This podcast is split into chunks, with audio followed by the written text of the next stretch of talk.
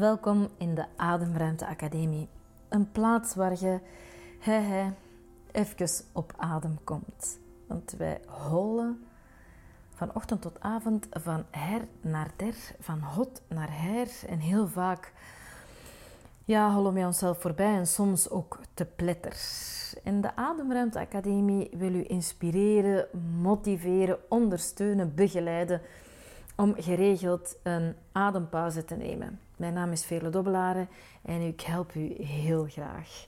Als je na het beluisteren van de podcast zegt, oh, ik heb wel goesting om wat meer uh, op adem te komen, wat ademsteun nodig, dan neem gerust een kijkje op onze website waar wij heel laagdrempelige, toegankelijke programma's aanbieden, want ik geloof dat ademruimte voor iedereen is. Geniet ervan. Wat zegt uw omgeving over uzelf? En dan heb ik het niet over wat zeggen uw collega's of uw vrienden of uw partner of uw kinderen over u. Uh, want dat zegt ook iets over henzelf. Maar ik heb het over wat gebeurt er rondom u en wat zegt dat over wat er binnenin u gebeurt. Want, ehm, en nee, nee, nee, nee, het is niet zweverig, het is echt heel aards als in. Ehm, laten we alles zien als iets waar we iets van kunnen leren. En in die zin is het fijn om te zien als je het gevoel hebt dat je te weinig tijd hebt. Omdat de mensen rondom je altijd maar hè, uh, druk, druk, druk of veel dingen inplannen. Of, hè. Iedereen is druk. En ik heb precies te weinig tijd, hè, want iedereen doet allemaal leuke dingen. Die doen dat, dat en dat en dat en dat. Hè. En ik heb te weinig tijd. Als iedereen leuke dingen doet en die tijd kan vinden, wat zegt dat over u? Waar geeft jij uw tijd aan? Welk gevoel van drukte hebt jij? Want, en dat is helemaal herkenbaar. Hè? Ik heb ook een drukke agenda. Ik heb echt een valkuil om veel ja te zeggen. En ah ja, dat ga ik ook doen. En ah ja, dat ook. En dan denk ik, ja, even, dat bestaat eigenlijk niet veel. en in die end, wat zegt dat over mij? Over waarom zeg ik zoveel ja? Waarom zegt jij zoveel ja?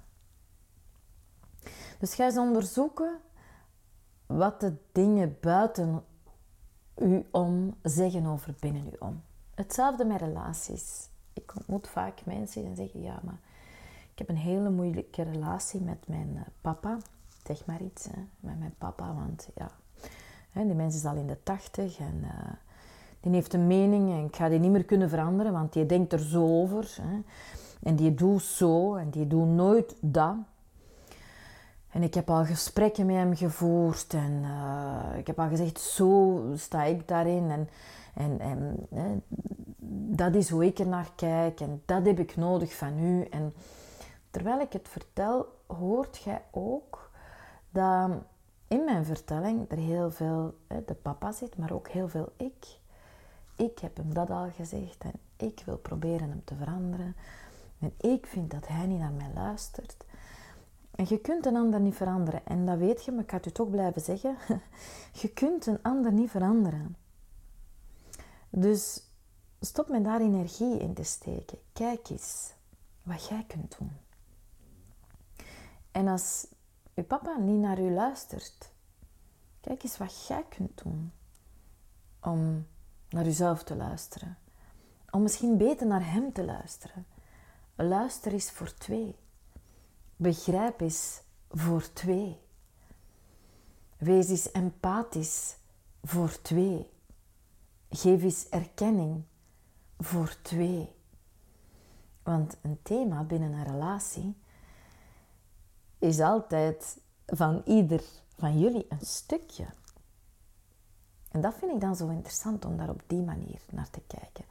Als jij je niet gehoord, niet gezien voelt binnen een relatie, wat zegt dat over u? Wat mocht jij dan meer zien, beter zien? Kunt jij jezelf zien? Kunt jij jezelf horen? kunt jij jezelf goedkeuren? Dat is vaak nog heel erg moeilijk.